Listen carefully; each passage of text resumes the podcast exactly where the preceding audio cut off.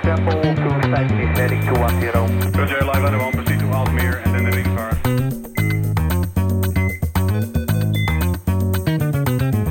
Goedendag beste luisteraars. Welkom bij Ambulance, de podcast. De podcast over ambulancezaken en prehospitale zorg. Deze aflevering wordt weer een nieuw ambulanceonderwerp besproken door mezelf en mijn gast van vandaag. Ik wens u veel luisterplezier. Ja, daar ben ik weer. Ivo van Asperen van Ambulance, de podcast. En eh, zoals je in het intro hoorde, wie heb ik vandaag als gasten? Twee eh, artsen van de Liveliners. En de Liveliner 1 heb ik voor me. Een arts van de Lifeline 1 moet ik zeggen. En een arts van de Lifeline 2. En ze zijn alle twee al een keer eerder in een podcast geweest. Eh Xavier, welkom. Ja, dankjewel. Een tijdje terug hebben we eigenlijk wat opgenomen. Dat ging over de ECMO toen, hè? Ja. Als eh podcastaflevering 19, eh, als ik me goed herinner. Ehm, jij bent eh anesthesist, kinderanesthesist in Sophia Kinderziekenhuis, als het klopt. Ja, dat klopt. Ja. En werkt als MMA voor eh RAV Brabant West-Noord. West-Noord. Midden, Ja, ja, natuurlijk. Midden-West-Noord. Midden-West-Noord. en eh, je zit al elf jaar op de Trauma Heli Lifeliner Ja, 2. erop of erin. Erop Ja. of erin, ja. Gelukkig niet eronder, hè. Eh, Victor, Ja, Lifeliner 1. Lifeline 1. Ja, in Als- Amsterdam. Ja, anesthesist in het Amsterdam UMC. Mhm. En eh, nou, sinds, we hadden het er net over, alweer vier jaar op de Lifeline 1. Ja, gaat snel, hè. Zo, nou. Wat een ervaring al inmiddels weer. Ja, Ja. Ehm, vandaag in de podcast, hè, de vorige keer heb ik eh, twee verpleegkundigen, twee Hems crew members eh, mogen interviewen, Karel en Bakkie, Albert, moet ik zeggen. En ehm, vandaag twee artsen voor me en vandaag wil ik het graag hebben over jullie werk en over de betekenis en de meerwaarde van de liveliners. En eh, ik zou eerst willen beginnen met ehm, wat is eigenlijk het inwerktraject of het opleidingstraject van iemand die op zo'n traumahelikopter komt te werken? Mag ik met jou eh, beginnen, ja Victor? dat, ehm, dat verschilt nu nog een klein beetje per eh, station. Daar is nog niet één uniforme werkwijze voor in Nederland, maar er wordt wel naartoe gewerkt. Er wordt ook gewerkt aan een, aan een landelijke profielschets van de MNT-arts en hoe die dan opgeleid moet worden. Het hele basale inwerktraject is 16 diensten. Dat klinkt als heel weinig. Dat klinkt als eh, twee weken en eh, klaar. Ja, Nou verspreid je het wel over iets meer langere tijd, meestal over drie maanden. Eh, maar het zijn vaak mensen, of het zijn vaak mensen, het zijn meestal ehm, eh, mensen die al een heel voortraject hebben met een interesse in de, in de acute geneeskunde, alle opleidingen, veel ervaring, want ik denk dat dat een van de belangrijkste dingen is. ja, En dan uiteindelijk word, ja, moet je dat gaan vertalen naar de prehospitale situatie en hoe je zeg maar die eh, hoe je het in het ziekenhuis zou doen, dat moet je een klein beetje aanpassen aan de beperkingen en de situatie eh, buiten. ja. Ik kan voorstellen dat dat best wel spannend is. Hè? Voor jou inmiddels vier jaar terug. Dat je in een beschermde omgeving in het ziekenhuis in één eh, op straat komt en totaal andere situaties eh, aantreft. Ja, dat is even schakelen. Ja, maar genieten denk ik. Ja, zeker, Als je ja. interesse hebt in prehospitale zorg. Ik kan me ook voorstellen dat het al veranderd is, dat inwerktraject. Want jij begon elf jaar geleden, zeg je, Xavier? Ja, Dus- dat klopt. Ik heb eh, heel veel eh, geluk gehad ook. Ik heb tijdens mijn eh geneeskundestudie ben ik begonnen als ambulancechauffeur. Dat heb ik een aantal jaren vol kunnen houden. En daarna ben ik naar de andere stoel gegaan. Dus ben ik eigenlijk als ambulancevoorpleegkundige gaan werken. Dat heb ik tot 2019 ongeveer volgehouden. Dus het fijne was, de dingen die ik... Ja, die, die dingen wist ik al. Ik wist al wat een status was. status 1 tot en met 6 of zo, 8 en 9. Wat de tweede wagen was, wat de taakvoordeling was. Dus daar heeft me dat echt heel veel ge- eh, gewonnen. en kon ik me richten op, heel, op, een aantal andere dingen. En het inwerktraject is bij ons misschien een klein beetje anders. Want je hebt een anesthesioloog die naar MMT-arts gaat. Of je hebt een traumachirurg die naar MMT-arts gaat. Dus het is voor beide een klein beetje anders, zeg maar. En bij ons, eh, wat er bij ons nog anders is, is dat ze twee weken bij de kinderanesthesie nog meedoen. Omdat we heel veel kinderen zien. Eh, hebben ze bij ons gezegd, nou ja, weet je, dan gaan we nog wat extra kinderen doen. Ja, maar als ik dan toch, eh, want je zei net al 14 dagen, dat is eigenlijk ook hartstikke kort. Als ik me kan bedenken dat je nu eh, ingewerkt zou worden bij jullie bijvoorbeeld, hè, dat je dan en ECMO onder de knie moet krijgen. Als je anesthesist bent, heb je nog nooit een thoracotomie gedaan, dus dat moet je leren. Eh coniotomie, dat, dat heb je dan wel gehad, maar niet als je traumachirurg bent mogelijk. Dus het zijn toch ook heel veel handelingen die je moet leren, lijkt me. Nou, de meeste daarvan die heb je al wel. ehm, kijk, je hebt een- vaak niet zo vaak gedaan, maar je hebt ze wel geleerd. En je moet ze, coniotomie is iets wat iedere anesthesioloog Ja. in, zijn in, zijn, eh, in, in zijn pakket eh, moet hebben zitten. En eh, ja, de thoracotomie, daar, daar hebben we een training voor. Eh, dus dus dat, dat is een van de dingen die je dan wel echt eh, moet trainen. Eh, maar ja, de andere dingen, dat zijn toch vaak, eh, ja, dat, dat moet je, eigenlijk moet je de, de, de basic skills, die moet je al hebben. Mhm. En de ervaring, die, je moet het al hebben en dan moet je het nog leren toepassen buiten. Ja. Leren aanpassen aan de situatie die je tegenkomt. Maar neem eens mee, zo'n, een- bijvoorbeeld een torcotomie op straat, hè, en een borstkast die je open doet. Eh, wordt dat door een collega aan jou geleerd of ga je daarvoor naar een instituut om het daar te leren? Nee, dat, eh, dat leren we elkaar. Dus we hebben natuurlijk traumaschirurgen in de club en Ja. die, die, die hebben daar training voor gemaakt. Mhm. En dat, is ook, dat was ook echt een hele goede training. Dat, dat, hebben- daar hebben we een, een, dat was een hele dag. Met, eh, daar hebben we echt geoefend op, eh, op kadavers. Mhm. En eh, nou ja, kijk, als je dat geleerd krijgt van iemand die het echt goed kan en die echt alle finesses kan, eh, kan laten zien. Ik weet nog dat ik na die training echt wel eh, vrij kort daarop eh, kreeg ik mijn eerste. En eh nou, toen dacht ik echt van ja, dit, eh, hier was ik ook klaar voor. Ja. Maar dat, dat gaat allemaal in die 14 dagen, want ze moeten ook vliegen en, en Nou, er zijn natuurlijk ook een aantal cursussen die je moet doen. De meeste cursussen, ja, de, de, de opleiding tot MT-arts bestaat niet alleen maar uit cursussen. Want dan zou het wel eh, ja. dan zou het een stuk makkelijker zijn eh, om goede mensen te vinden. Maar het, het is met name, eh, de- je, je moet dat hebben opgebouwd in de jaren daarvoor. En dat is een deel cursussen, deel ook ervaring. En een deel, naast die 14 dagen doe je bijvoorbeeld de extricatiecursus. Ja, Nou, mensen uit een, uit een wrak halen, dat ja, soort dingen. En, eh, wat je nog, eh, en meestal ook, is het ook een klein beetje aangepast aan wat je nog, eh, nog nodig hebt eigenlijk. Mhm. Dus echt Kijk. op maat opleiding, zeg maar. Van je hebt bepaalde dingen gehaald, dat weet je, dat moet je soms een beetje opfrissen en dan... Ja, ik heb me bijvoorbeeld, ik, ik heb heel weinig, ik had heel weinig ervaring met kinderen en acute kindergeneeskunde. Mhm. Dus ik heb met name daar echt op gestort. Echt, ik heb de APLS toen gedaan, maar ook echt op een manier, met name wat, wat ik toen gedaan heb, is echt gestudeerd op dat boek. Met van, ja oké, dit, dit, dit is dan hoe ze het dan in, in het ziekenhuis doen. En dat helemaal uitgedacht en aangepast van, hoe ga ik dit dan doen als ik op straat sta. En dat, dat was voor mij echt wel de, de, een van de meest eh, ja, leerzame dingen die, ik- die ik kon doen toen. Ja. Dus met name ook hoe je er naar kijkt en hoe je, hoe je het voorbereidt voor jezelf, hoe je het gaat oplossen, dat, dat is ook heel waardevol. Ja. Hoe lang heeft dat bij jou bijvoorbeeld geduurd tot dat comfortabel voelde? Dat je dacht van, nou, nu, eh, nu, nu heb ik het wel, nu eh, laat maar komen. Nou, ik weet wel dat ik na eh, die, de, de- met de laatste, ene laatste in, inwerkdienst, dan had ik zoiets van, nou kom maar op, ik, ehm, eh, ik wil wel los. Ja. En ik ga het wel zien en Ja, een goede mindset kom ik altijd. ja precies. Ja. Ehm, ja, een stukje over jullie opleiding gehad. Kun je eens beschrijven, eh en hoeft niet heel gedetailleerd, maar een beetje hoe zo'n dag eruit ziet. Eh, jullie komen binnen, wat doe je als arts specifiek? Als je 's ochtends aankomt, eh, beschrijf eens zo'n, eh, tot je eerste vlucht, zeg maar. Nou, we beginnen natuurlijk met koffie. Dat is wel belangrijk. Eh, we blijven ook. Ja, wij blijven ook anders Hoe laat beginnen jullie dienst in de ochtend? Eh, half zeven, dat is een beetje het moment dat we binnenkomen lopen. Oké. Dan gaan we meestal rond eh, kwart voor zeven naar boven. Dan gaan we de boel eh, checken. Dus de tassen checken, de, de heli eh, gecheckt. Ja. Dan gaan we rond zeven uur nemen we de dienst over. En dan zetten we de heli hot, zoals dat dan heet. Dus dan lopen de piloot en de HCM die lopen de checklist langs. En wij melden ons in bij de meldkamer. Daarna doen we een briefing bij het staatsbord. Dus dan kijken we naar het weer en naar alle obstakels en alle vliegtechnische dingen. Vragen we elkaar of we wel allemaal fit zijn en of we allemaal, ja, we allemaal fit, fit to fly zijn. Ja? En eh, dan gaan we de auto checken. Hetzelfde ook weer, de tassen eruit, alle spullen. En eh, dan gaan we naar boven en gaan we ontbijten. En dan gaan we wachten op de eerste oproep. Ja. ja, jij zegt boven omdat je natuurlijk bij het vuur werkt. Voor, jou, voor jullie is het anders. Hè? Jullie zitten al eigenlijk op gaande grond bij de hangar. Is het ongeveer hetzelfde? ehm? Ja, nou, ja, het is ongeveer hetzelfde. De, eh, wij hebben de luxe dat de HCM doet ontzettend veel. Dus die controleert de helikopter, maar die controleert dan ook meteen onze tassen. Dus wij zitten daar en het enige wat wij doen is eh, koffie drinken en onze medicatie trekken we op. We kijken meestal of de echo eh, vol is qua accu. Eh, dus, we, de, de- dus het is bij ons hetzelfde, alleen net iets minder heftig. Oké. Dan heb ik toch weer mazzel daar hè, in het Absoluut. Een goede HCM. Ja, En Amsterdam ook trouwens. hè. ja, hartstikke al, al een goede partijen, zeg maar. Ehm, ja, waar ik eigenlijk met jullie vandaag over wil hebben, is over ja, wat is de meerwaarde van de MT? Nou, we kunnen echt ontzettend veel dingen noemen. Hè. Is, we gaan niet een hele rijtje eh, doornemen, maar laten we eens eh, eerst een stukje hebben over trauma. Hè. Ehm, ik heb wel wat vragen gekregen van mensen die zeiden van ja, ik zou echt wel eens willen weten wat voor medicatie hebben ze nou aan boord. En eh, ja, wanneer wordt dat ingezet? Nou, we hebben heel veel situaties. Te veel om het allemaal op te gaan noemen.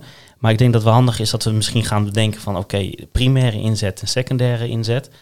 Ehm, misschien kunnen jullie zelf eens uitleggen wat is een primaire inzet en waar gaan jullie? Waar vliegen jullie sowieso standaard eh, voor? Ja, een primaire inzet is eigenlijk als de melder naar 112 belt en de situatie is al zo ernstig dat de meldkamer al zegt, nou weet je, daar ga ik niet alleen een ambulance op sturen, maar daar ga ik ook een MRT mee eh, sturen. En eigenlijk die inzetcriteria zijn eigenlijk eh, gebaseerd op energie. En dat is misschien een beetje het nadeel, want ze kijken niet zozeer naar de patiënt die daar ligt. Dus is er een grote energieoverdracht geweest? Is er een aanrijding geweest van meer dan zoveel kilometer per uur? Een val van zoveel uh, meter, van iemand uh, twee keer de eigen lichaamshelfte en dat soort dingen. En daarop worden we als MMT worden dan meegestuurd. En dan proberen we, het merendeel proberen we dan te uh, vangen. Dus dat betekent dat dat wij op heel veel dingen vliegen en dat dat misschien achteraf helemaal niet uh, nodig is. Dus ons cancelpercentage ligt ergens tussen de 45 tot 50. Dus bijna de helft van de gevallen worden opgeroepen, gaan we terug. Vinden we dat dan heel erg? Eigenlijk helemaal niet. Want om de ondertriage zo klein mogelijk te houden, dus, dus dat zijn de mensen waar je bij wilt komen, om die zo laag mogelijk te houden, moet je een overtriage tot 50% moet je accepteren. En daar zitten we op. Dus ja. dat is prima. Ja, en die meldkamer weet toch nooit precies wat er helemaal gebeurd is, hè? Nee, en het kost ook niet heel veel tijd, hè? want meestal word je na vijf, zes minuten gecanceld. Dan ben je dus ook na vijf, zes minuten meteen weer beschikbaar. Dus dat ja. kost ook niet zo heel veel van onze inzetbaarheid. Ja. Um, je hebt het nu over energie, maar we kunnen ook nu denken aan uh, geweld, spectrum, hè? dus schietpartijen, steekpartijen, uh, waar jullie primair in meegaan. Um, kinderen, ja, het ligt aan van uh, kinder, kinderreanimaties, standaard. Ja, kinderen, dat is ook iets, uh, dat is ook een beetje een hoeksteen van het uh, MMT. We zitten ongeveer nu op 22% van onze patiënten die we zien. Dat is een, iemand onder de 18 uh, jaar. Dus kinderen is iets wat we heel vaak doen. En om dan terug te komen op Victor, hè, want um, dat, dat hoor ik wel vaker. Want de mensen die dan een kinderstage komen doen voor een inwerktraject, die, ja, die vinden kinderen natuurlijk wel spannend. Maar als je een korte tijd bij het MMT zit, een half jaar of een jaar, dan heb je al zoveel kinderen gezien en, en gedaan. Ja, dan is je, er, je, je ervaring is zo uh, meer geworden uh, dat dat ook een beetje normaal wordt. Dus je pols is dan wat minder hoog en, en, en, dan kan je wat beter nadenken. Dus, dus dan voel je er ook eigenlijk wel weer een beetje ja. happy mee. Het is wel herkenbaar, hè? ook voor de ambulance. Um, ik, wat, wat, ik ook heel vaak hoor is de PHP-les. Als je die gedaan hebt, dat het je zo ontzettend veel informatie geeft. En dat mensen na twee dagen trainen uh, zo anders de rest van hun carrière omgaan met kinderen. Zo heb ik dat zelf ervaren. Dat je toch het heel spannend vindt, denkt dat je heel veel moet gaan rekenen. En dan blijkt het allemaal helemaal niet zo te zijn. En blijf maar gewoon rustig en denken. Er zijn een paar dingen waar je aan moet denken, maar dan uh, komt het allemaal wel goed. Ja, dus iedereen moet de PHP-les volgen. Ja, ik weet wel wie de les geeft. Hè? nee, maar het is serieus. Ik, dat hoor je gewoon heel veel terug. Het is gewoon een hele waardevolle. Uh, omdat je altijd te maken hebt met stress. Uh, en emotie. Hè? Als je zelf ouder bent, of je hoeft niet eens ouder te zijn, maar er is altijd een extra emotie uh, bij, zeg maar. Um, ja, dat zijn de primaire. Kun je ze wat de secundaire inzetten opnoemen? Ja, secundaire inzet is eigenlijk daar waar, uh, in beginsel daar waar de ambulanceverpleegkundige denkt dat, die, dat, die, dat wij meerwaarde hebben. Dat is eigenlijk, uh, en er zijn al een aantal richtlijnen voor, zoals een, gewoon eigenlijk een, een uh, vitale bedreiging, dus een A, B, C of D probleem. Mm -hmm. um, uh, maar in, ja, in, in, in, de basis is het als, als ambulanceverpleegkundige ons graag wil hebben. Ja, kan je eens wat voorbeelden noemen? Ja, dat is heel breed. het kan zijn een niet wat verkeerde inschatting, maar gewoon iets wat een neurotrauma is of een, nou ja, een acuut neurologisch probleem met een uh, gedaald bewustzijn. Ik denk dat gedaald bewustzijn wel een van de, de meest um, ja, behapbare visuele uh, ja, aspecten is wat mensen kunnen uh, doorgeven. Je kan niet zo makkelijk aan een leek vragen of, de, of er een bedreigde luchtweg is. Dat ja. heb je toch net iets meer kennis voor nodig. Maar gedaald bewustzijn is gewoon makkelijk te zien. ja, en eigenlijk alle bedreigingen van B, C en D. Ja. En bij, bij neuro moet je natuurlijk ook wel denken, mensen die uh, duidelijk ondersteuning nodig hebben, maar misschien nog te veel bij zijn, waardoor je wijzen in elk geval niet uh, kunnen intuberen of een IGL geven, omdat dat niet geaccepteerd wordt op dat moment. En dan heb je jullie denk ik hard nodig. Ja, zeker. Anesthesie, algehele anesthesie kan, kan soms voor sommige mensen echt een heleboel rust en stabiliteit uh, brengen. Want het, ja, aan de ene kant spuit je heel veel weg, want je maakt, je maakt iemand apnoïs, je moet iemand beademen. Maar het wordt daarna daardoor ook wel weer uh, uh, controleerbaar. Je kan ja. zelf bepalen hoeveel iemand uh, beademd wordt, wat het CO2 is. Ja, dat heb je bij een onbeademde patiënt heb je daar geen controle over. Maar. Nee, want eh, ja, het gaat wel heel vaak over het neurotrauma. Hè? Van waar gaat MMT? Ja, neurotrauma, daar moeten ze sowieso bij. Want waarom moeten jullie daarbij? Wat is daar zo specifiek eh, wat jullie kunnen doen, zeg maar? Nou, neurotrauma is het, zeg maar, de, de ernstige neurotrauma's die hebben met name baat bij neuroprotectie om eh, eh, secundaire hersenschade te voorkomen. Primaire hersenschade is eh, de schade die de klap aanricht, dus daar kun je niks meer aan doen. Maar de secundaire schade is de schade door eigenlijk, eh, ja, als, we, als ik het aan de assistenten moet uitleggen, dan is het, ja, wat, wat moet je doen met het neurotrauma? Dan zeggen we alles normo. Normotensief, eh normoxies, normotemp, ehm normo CO2, alles moet je zo- zoveel mogelijk normaal. Niet te hoog, niet te laag. Ook zeker voor CO2. Niet te hoog, niet te laag. Ja, en dat gaat eigenlijk het makste, makkelijkst als je die mensen in slaap maakt en eh, aan de beademing legt. Ja. Je vaak heb je natuurlijk onrust of, of dat soort dingen. Dat is allemaal schadelijk. Of eh, hypotensie, die ze juist weer normaal krijgen. Dus dat soort dingen, eh, ja, zijn jullie zo, zo bij nodig. Ja, maar er zijn nog een aantal andere ne- dingen die ze in het ziekenhuis doen, die we dan ook weer naar buiten het ziekenhuis kunnen halen. Dus als je neurotrauma is inderdaad wel een hoeksteen wat we vaak doen. Maar de therapie die we dan kunnen doen, hè, we kunnen dan hypertoon zout kunnen we al opstarten door de sedatie gaat, het metabolisme gaat omlaag, dus het zuurstofverbruik gaat omlaag. Eh, dus ja, het zijn gewoon een aantal. En, en dan als de bloeddruk laag is, dan kunnen, de bloeddruk, die eh, kunnen wij weer omhoog maken door eh, extra medicatie te geven. En weet je wat medicatie noemen bijvoorbeeld? Ja, dan kan je bijvoorbeeld door noradrenaline zou je, hè, dat zou je op de pomp kunnen zetten en dan, en dan krijg je de bloeddruk omhoog. En als je de bloeddruk omhoog krijgt, dan is het weer je, je eh, CPP, dus je perfusie wat in je brein gaat, is je MAP min je ICP. Dus je bloeddruk moet hoog genoeg zijn, wil die, die tegendruk van die bloeding in het brein, wil daar nog bloed naar binnen gaan. Dus ja, als je een hele lage bloeddruk hebt, dan komt misschien heel weinig bloed aan Ja. in je hersenen, of misschien helemaal niet. Dus je moet je bloeddruk wel echt goed op peil houden. En dat, en dat, ja, weet je, de ambulance dienst zegt dan, ja, dan moet je vullen. Maar dan ga je niet met vullen, ga je zo'n bloeddruk bereiken. Dan moet je echt met medicatie moet je dat ondersteunen. Ja, dat is misschien ook wel een mooi bruggetje naar meerwaarde, naar reanimatie. Want ik, ik, ik ken situaties dat eh, bijvoorbeeld een bemanning zegt van nou, eh, het is een normale reanimatie, dus MMT is niet nodig. Maar als je deze wetenschap hebt, dan zou je bij sommige mensen toch wel heel graag een MMT willen hebben, toch? Nou ja, ja, ik denk dat dat zeker bij sommige mensen meerwaarde heeft. Het is ook, eh, nou, zit je dan op het vlak van, ja, hoeveel kunnen we aan als MMT's? Want reanimaties zijn er eh, veel, maar je, kan het ook wel een beetje benaderen vanuit het... eh, kijk, als we primair worden geroepen voor een neurotrauma en dat valt mee, dan kun je cancelen op, op basis van, eh, van overleg. En dat kan je natuurlijk ook bij een reanimatie doen. Als je iemand twee keer geklapt is en hij is eruit en hij wordt wakker, ja, dan... eh, met zo'n verhaal kun je natuurlijk ook gewoon cancelen. Ja, het is ook niet zo dat je, je primair mee moet met alle reanimaties. Al ga je natuurlijk nu hebben ook hè, het ECMO-verhaal aan bepaalde eisen moet dat voldoen dat jullie wel meevliegen. Maar het is misschien wel verstandig om als ambulancebemanning te denken. Stel jullie vliegen automatisch mee bij een bepaalde reanimatie. Het blijkt een, inderdaad een gewone reanimatie zijn, niet een traumatische of zoiets. Dat je dan niet zegt ja cancelen, maar dat je denkt van oké, hoe ver zit ik eigenlijk van een ziekenhuis? Want het probleem begint ook heel vaak pas op het moment dat je rosk hebt. Dan heb je rosk, dan ben je blij. Ga je in de auto en ja, dan, iedereen kent dat verhaal. Na, na een paar minuten denk je, oh, gaan we weer. En dan heb je een probleem. En hebben wij geen inotropica. En dan hadden jullie dat wel kunnen starten.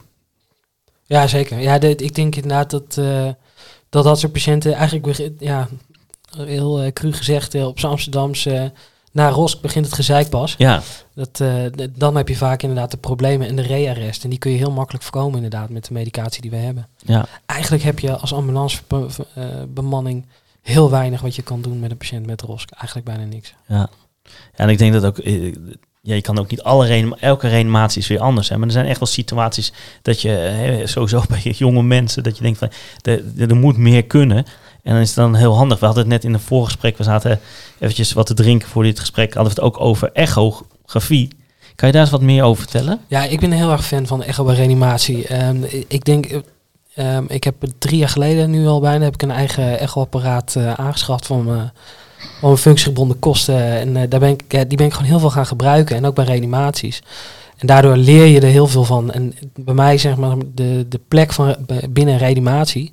Die is echt heel erg gericht op die echo. Want dat geeft veel meer richting aan hoe je reanimatie doet. Je krijgt info over ehm, kwaliteit van massage, eh, oorzaken, eh, welke kant gaat het op, eh, doet die, zit er iets van hartactiviteit onder of niet.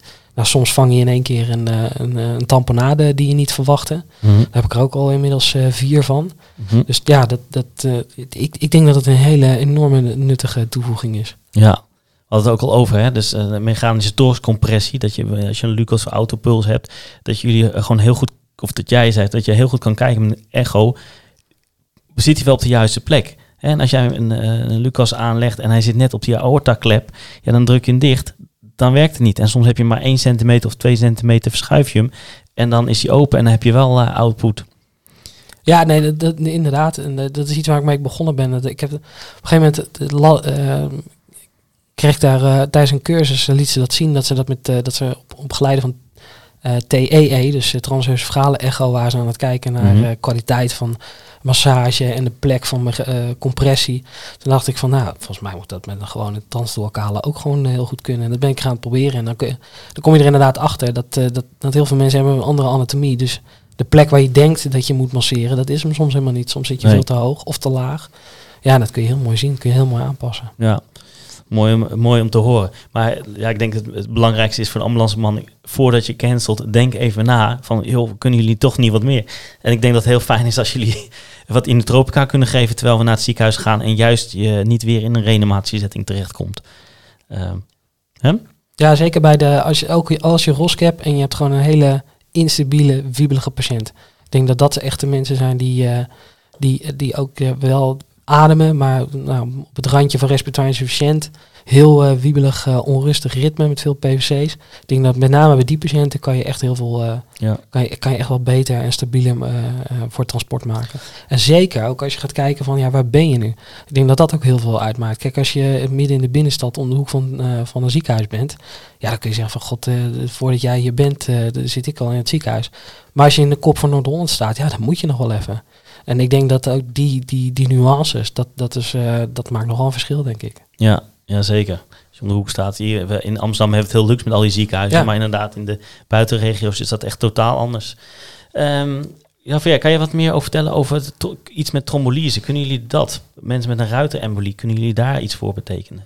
Ja, dat is bij ons nu natuurlijk heel makkelijk op de twee. Want als je aan de criteria voldoet, gaat hij aan de ECMO. Ja, dat is eh, Punt. sinds een week, hè? Volgende vraag. nee, ja, dus dat is, dat is ook wel iets waar we voor worden opgeroepen. En dat valt eigenlijk een beetje, hè, dus, dus dat valt ook in de inzetcriteria dan als het een PA is eh, en je hebt een hele hoge voordenking van een ruiterembolie, dan gaat hij bij ons aan de ECMO. En eh, eh, bij Victor gaat hij denk ik misschien aan de trombolyse, als ik het Ja. zo zie. Ja, Ja, dit, is iets wat niet veel voorkomt. Maar als je er eentje hebt, dan, eh, het zijn- en het zijn vaak jonge mensen, die, eh, dan, eh, dan kun je daar echt wel het verschil maken. inderdaad. ja, maar ik denk dat heel veel mensen niet eens weten dat jullie het bij hebben. Dat Ja. jullie kunnen laat ik zo ja, zeggen. dat denk ik. Ik denk dat heel veel mensen dat niet zullen weten. inderdaad. ja, het begint sowieso alweer bij een stapje daarvoor, hè, want we hebben die echo weer mee. En wat die echo eigenlijk doet, is dat je een klinische vraag hebt. En die gaat jouw vraag gaat die, gaat die oplossen. Van als je hart niet goed klopt, waarom klopt je hart niet goed? Laat ik er eens even naar eh, kijken. En, en zo kan je dat ook bijvoorbeeld doen tijdens die reanimatie. Als je een echo maakt van het hart en, en je ziet een enorme stuwing en je verdenking is er, dan is het weer een extra vinkje wat je kan zetten bij die longembolie. ja. Het is ook zo mooi dat wij, weet je, de 4K's, 4KT's behandelen. Maar ja, alsof wij lezerogen hebben, we kunnen er niet doorheen kijken. Dus hè, tamponade, nou, eh, doe het maar met je blote ogen. Dat is toch wel handig als je een echo eh, daarbij hebt. Ja, en wat ook zo is, ik denk dat die, die, dat, er, dat die 4H's en die 4T's, die komt meestal als de reanimatie best wel een tijdje loopt. Ja, En een tamponade of, eh, of een hypervolemie, dat moet je niet weten na acht minuten, dat moet je weten na twee minuten. Dus ik denk dat die echo daarin ook wel echt veel, heel belangrijk kan zijn. Dat je die reversibele oorzaken, en met name de dingen die echt snel, waar je bovenop moet, eh, dat je die gewoon, die moeten na twee minuten moet je dat weten, of dat het er is. ja. Heb ik nog een eh, gewetensvraag. Heb je nog een eh stethoscoop of niet? Nee, Ik ook niet ja, meer. ik heb hem thuis. Ik heb thuis. ja, Ja, Ik heb precies. geen idee waar die ligt. Maar. En ik heb mijn echo aan, eh, aan mijn riem hangen. Eh, longen luisteren doen jullie niet? Nee, Nee. nee, er zit er een echo op. Ja, ja perfect natuurlijk. Ehm, dit is een stukje over de gewone reanimatie, traumatische reanimatie. Hè? eh, je hoort heel vaak mensen van, eh, ja, er wordt een thoracotomie op straat gedaan, hè, een borstkas wordt opengemaakt. Kunnen jullie eens uitleggen in welke gevallen ju- jullie dat nou doen? En waarom jullie het niet doen bijvoorbeeld bij een auto-ongeluk, een stomp buiktrauma? Ehm, Ja, eh, nou, dat hebben we eigenlijk eh, zijn we dat over gaan nemen van eh, Engeland. Dus in eh, Londen dan, dan, dan is het echt schering en inslag. Dus één keer per vier, vijf dagen doen ze daar een, toren, een. En ze zeiden tegen die mensen in Londen, jullie zijn gek. Want die mensen die gaan gewoon altijd dood. En als je daar niks aan doet, dan heb je altijd gelijk. Want die mensen gaan altijd dood. Dus wat zij nu hebben gedaan, zij zeggen eigenlijk van ja, wij moeten eigenlijk een klein iets doen. En daarmee moeten we die man of vrouw gaan eh, redden. Dus het is niet zeg maar dat we het openmaken, dat we allemaal hechtingen gaan doen en weet ik wat allemaal. Eigenlijk wil je dat er maar één wond is. Dus eigenlijk zouden we het willen bij, bij één steekwond. Maar je kan je ook voorstellen dat als je drie steekwonden hebt, dan moet maar eentje van die drie moet maar in het hart zitten. Dus, het- dus, we, dus we doen het ook bij meerdere steekwonden. Dus de patiënt moet niet al heel lang liggen. Dus hij moet eigenlijk onder de 10 minuten. En ook Londen heeft dat een beetje losgelaten. Want die zeggen, ja, wanneer is die 10 minuten, gaat die dan in? Wanneer ga je tellen? En wat ze ook gezien hebben, is dat ze op de scope niet veel meer zagen. En dat ze de thorax openmaken. En dat er dan toch nog een, een soort van effectiviteit was. Eh, en dan, ja, wat, welke effectiviteit is nog goed genoeg voor de perfusie van je brein en welke niet meer? Maar dat zie je dus niet meer op je, op je monitor. Daar zou je misschien wel weer met echo kunnen zien, want dan zie je echt wat het hart doet. Dus eh, liefst onder de 10 minuten. eh één steekwond in de thorax. want een schotverwonding die maken eigenlijk veel meer stuk dan een, dan een steekverwonding. Dus En jullie doen het sowieso niet bij schotverwondingen? Nee, we doen het wel. Maar het Ja. is, ja, kijk, je, Minder, mis- minder goed je resultaat. weet niet wat er stuk is. Ja. en Ja. eh, kijk, als je het niet doet, dan gaat hij dood. En Ja. als je het wel doet, dan heb je een kans. ja, je weet ook niet hoe, met welk kaliber geschoten is of wat, en wat voor een baan het is. Nee, en waar, waar het zit. Ja. Het hoeft maar één scherfje te zijn, wat net eh, bijvoorbeeld eh en aan de voorkant één gaatje heeft gemaakt wat heel klein is. Ja, dan, dan heb je een kans, maar niet een eh Nee. 9 mm die dwars door en door is gegaan. Dan, eh, En dan kun je dus even zeg maar in een lekentaal uitleggen wat jullie dan doen. Ehm, wat het met name het- zeg maar, de, de, de belangrijke reversibele oorzaak eh, opheffen is een tamponade. De, die we kunnen opheffen is een tamponade. Dat is denk ik eigenlijk de belangrijkste indicatie. Dus als je, eh, de- als je een tamponade ziet, heb je eigenlijk gewoon, dan, eh, dan is het klaar. Dan, dan, dan, dan kan je, dan moet je het doen. Ja, dus bloed rondom het hart. Of echt een, een, een steek in het hart waardoor het leeg loopt, toch? Ja, maar, maar eigenlijk starten we alle met een toracostomie. Dus Ja. we maken twee eh, gaten aan de linker, of eentje aan de linkerkant en eentje aan de rechterkant. Hè, want de venflons die, eh, of de thoraxnaalden die eh, jullie doen, ja, die kunnen vaak dicht zitten. Ja. Dus we maken eerst twee gaten en dan zou je dus al een, een pneumothorax of een spanningspneumothorax zou je daarmee kunnen ontlasten. En als dat het nog niet is, dan verbinden we die twee met elkaar naar de eh, voorkant en dan komen we bij die tamponade uit. Ja. Ja, ik zit net te denken, we kunnen ook helemaal niet lekentaal praten. Het is ook een ambulance Nee. podcast. En het is onmogelijk. Ja. Met twee artsen kan je geen lekentaal doen. Nee, Sorry dat mam, eh, Ja. dit moet je maar even overslaan. Ehm, ja, snel openen. Ik, eh, ik heb er één keer bij mogen zijn. Het is indrukwekkend. Hè? Dit doen wij ook niet elke dag. Dat doen jullie ook niet elke dag. Nee. Maar als ambulanceman dat je erbij bent, is het toch altijd wel eventjes eh, Heftig. heftig eh, om te zien. En de omgeving moet je ook tegenwoordig ook ontzettend opletten op camera's. eh, eh, Nou, ik let er niet op hoor. nee, goed, maar weet je, het is toch vervelend Ja. dat het gebeurt. Ja, maar als je dan ook zegt van jongens, ik ga nu iets heel raars doen. Dus, Ja. En dat is echt niet leuk om te zien. Pak even wat afstand. De meeste mensen komen twee stappen dan naar eh, voren. Want die Ja. denken, Ja. en nu gaat het gebeuren. Dat wil ik wel even zien. Ja. Een stukje veiligheid is ook wel belangrijk. Hè? Dus ik bedoel, mensen, neem je spatbril mee, neem je eh, mondmasker, zet hem op. Want eh, ja, je hebt niet, eh, je hebt zo wat bloedspetters eh, in je oog. Dus het is echt wel belangrijk dat als je naar dat soort dingen toe gaat, dat jij realiseert dat je inderdaad gewoon je beschermingsmateriaal, wat we nu veel standaarden bij ons hebben, hè? handschoenen. het is ook een beetje meer normaal geworden voor ons. Dat je daar ook die spatbrillen eh, bij opdoet. Ik heb ook eigenlijk geen cijfer wat we nu tot nu toe hebben gedaan. Hoeveel stuks we in Nederland hebben gedaan. Dat zijn er wel tientallen. Ik weet, ja, door. Ik denk dat we rond de 50, 60 of zo al zitten Ja. in Nederland. Ik denk het wel, ja. Ja. Ja, en Met een aantal eh, hele goede eh reddingen. Overlevers. Ja. Overlevers die echt met eh, maximaal neurologisch eh, zijn weggelopen. Ja. Ehm, laten we het eens even over HOT hebben. HOT-procedure. Dus een traumatische reanimatie eh, op straat. Iemand is aangereden door een auto, laten we zeggen. eh, is in een reanimatiesetting terechtgekomen. Meestal is dat verbloeding op, eh, op iets. Wat is jullie aanpak? Ja, snel. je moet snel en effectief. Dat Ja. is eigenlijk het belangrijkste. En ehm, ik, ja, je kan zeggen, je doet er een vaste volgorde in. Eh, dus je doet eh, altijd standaard twee thoraxnaalden, altijd eh, een, dit, altijd dat. Mhm. Ik probeer meestal wel toch even weer snel te kijken van wat is de meest waarschijnlijke oorzaak. En ik had laatst bijvoorbeeld een, dat was een heel mooi voorbeeld, een, een, een jonge man die was dan een eenzijdig ongeval met zijn motor. Die had met name heel uitgebreid aangezichtsletsel. En, en een PA. En toen zat, ja, ik dacht van nou, dit is echt, die, die jongen die heeft echt met name een luchtwegprobleem door zijn aangezichtsletsel. Die heb ik echt heel erg gefocust op, eh, op de intubatie in eerste instantie. Mhm. En eh, dan krijg je inderdaad, toen krijg je inderdaad ook heel snel eh, rosk.